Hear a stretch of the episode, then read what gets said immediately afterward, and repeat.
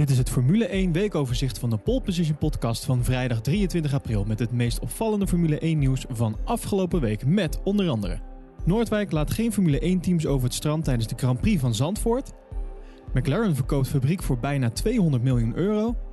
Michael Masi sluit te vroeg toestaan van DRS uit als oorzaak voor de crash tussen Bottas en Russell. Aston Martin krabbelt iets wat terug na kritiek op de FIA. En Red Bull plukt technisch directeur voor motorafdeling weg bij Mercedes.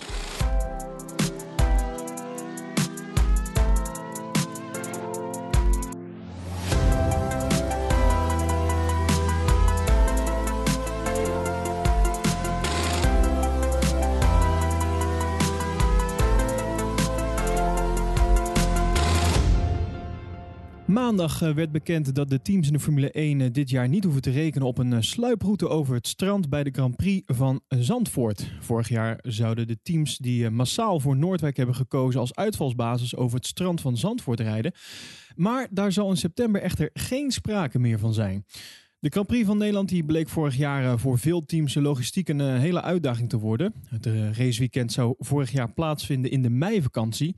En gezien de drukte rondom het circuit was er weinig ruimte voor de teams om van Noordwijk naar Zandvoort te reizen.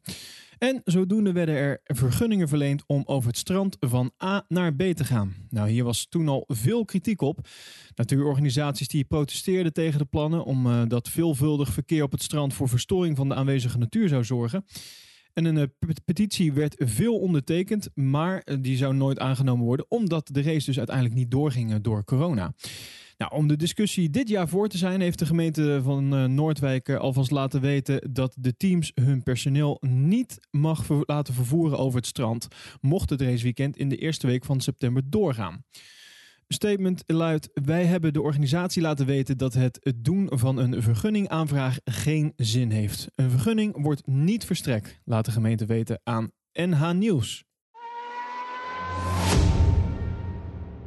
Dinsdag werd bekend dat uh, McLaren uh, het toch wel iconische McLaren Technology Center heeft verkocht. Ja, het eh, team slaat daarmee een grote financiële slag, want de verkoop van het complex levert het team 200 miljoen euro op.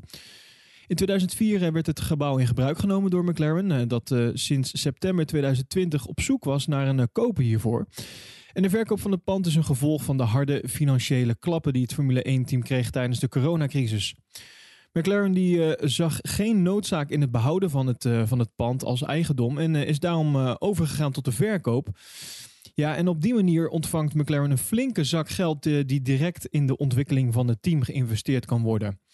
Het was wel altijd de bedoeling om als huurder op dezelfde locatie gevestigd te blijven en dat gaat dan ook daadwerkelijk gebeuren. Aan de verkoop van het gebouw hangt namelijk een huurovereenkomst vast die ervoor zorgt dat McLaren de aankomende 20 jaar in ieder geval niet hoeft te verhuizen.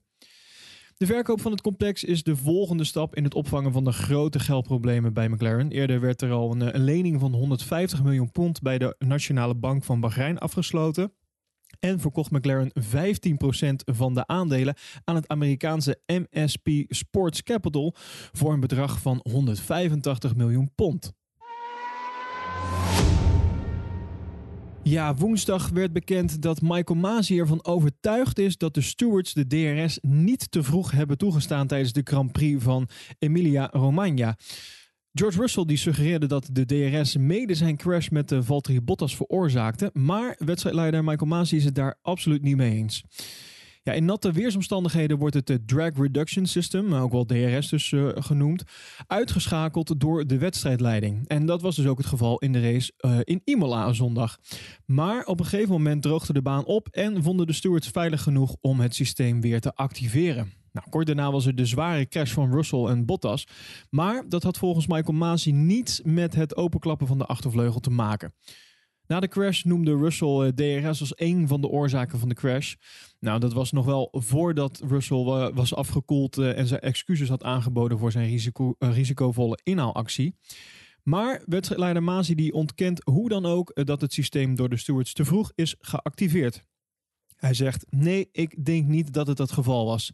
Kijkend naar alle beeldmateriaal was de baan in ons perspectief prima en was er geen discussie op dat vlak.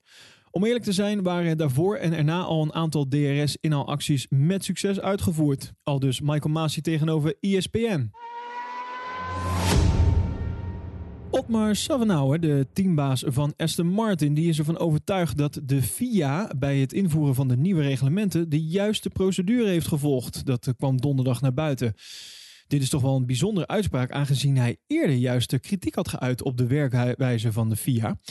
Voorafgaand aan de Grand Prix van Imola zou Otmar Savenauer uh, hebben geopperd om gerechtelijke stappen te gaan ondernemen tegen de FIA wegens eh, het in zijn ogen niet eerlijk doorvoeren van de nieuwe regels met betrekking tot de vloer.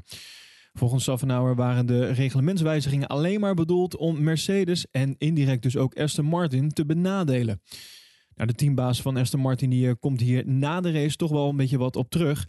Hij zegt: Op dit moment zijn we best tevreden met de correcte stappen die door de FIA zijn gevolgd. En dat zei hij in gesprek met onder andere Racing News 365. Hij zegt: We zijn nog wel in gesprek. We proberen er alleen zeker van te zijn dat alles goed en rechtvaardig is gedaan. Nou, voorafgaand aan het seizoen van 2021 werden de regels voor de vloer aangepast, waardoor teams met een, uh, een lage rake op het eerste oog minder snel werden.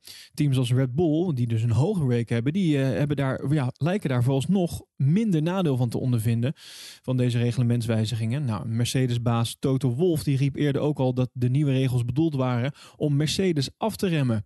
Hij begrijpt daarom ook prima dat zijn collega van Aston Martin naar de FIA is gestapt.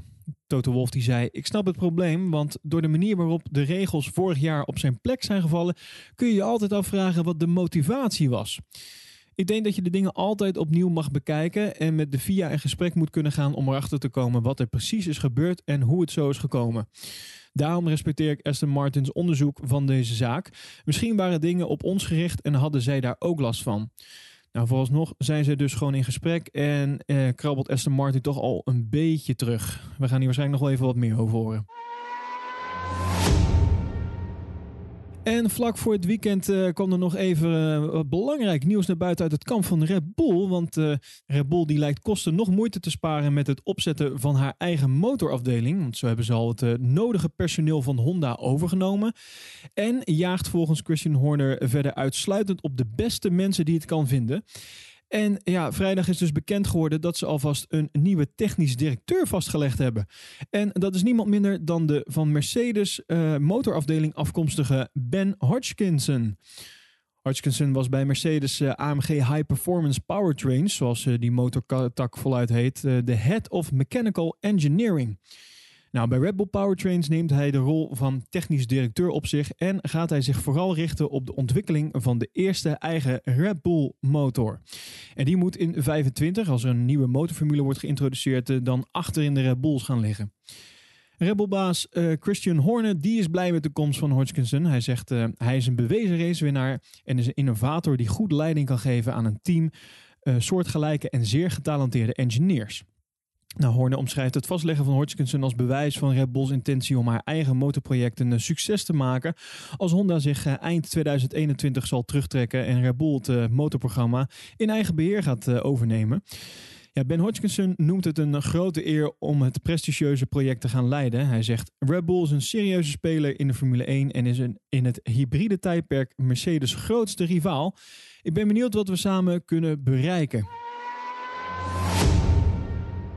En voor meer nieuws en feitjes ga je naar ons Instagram-account @polepositionnl. Vergeet je niet te abonneren op deze podcast via jouw favoriete podcast-app om op de hoogte te blijven van het laatste nieuws over de Formule 1. En vind je deze podcast nou leuk en wil je ons uh, financieel steunen? Kijk dan even op petje.af slash poleposition. En met jouw donatie word je dan automatisch lid van de Pole Position Podcast Pit Crew en heb je recht op enkele leuke bonussen. Fijn weekend!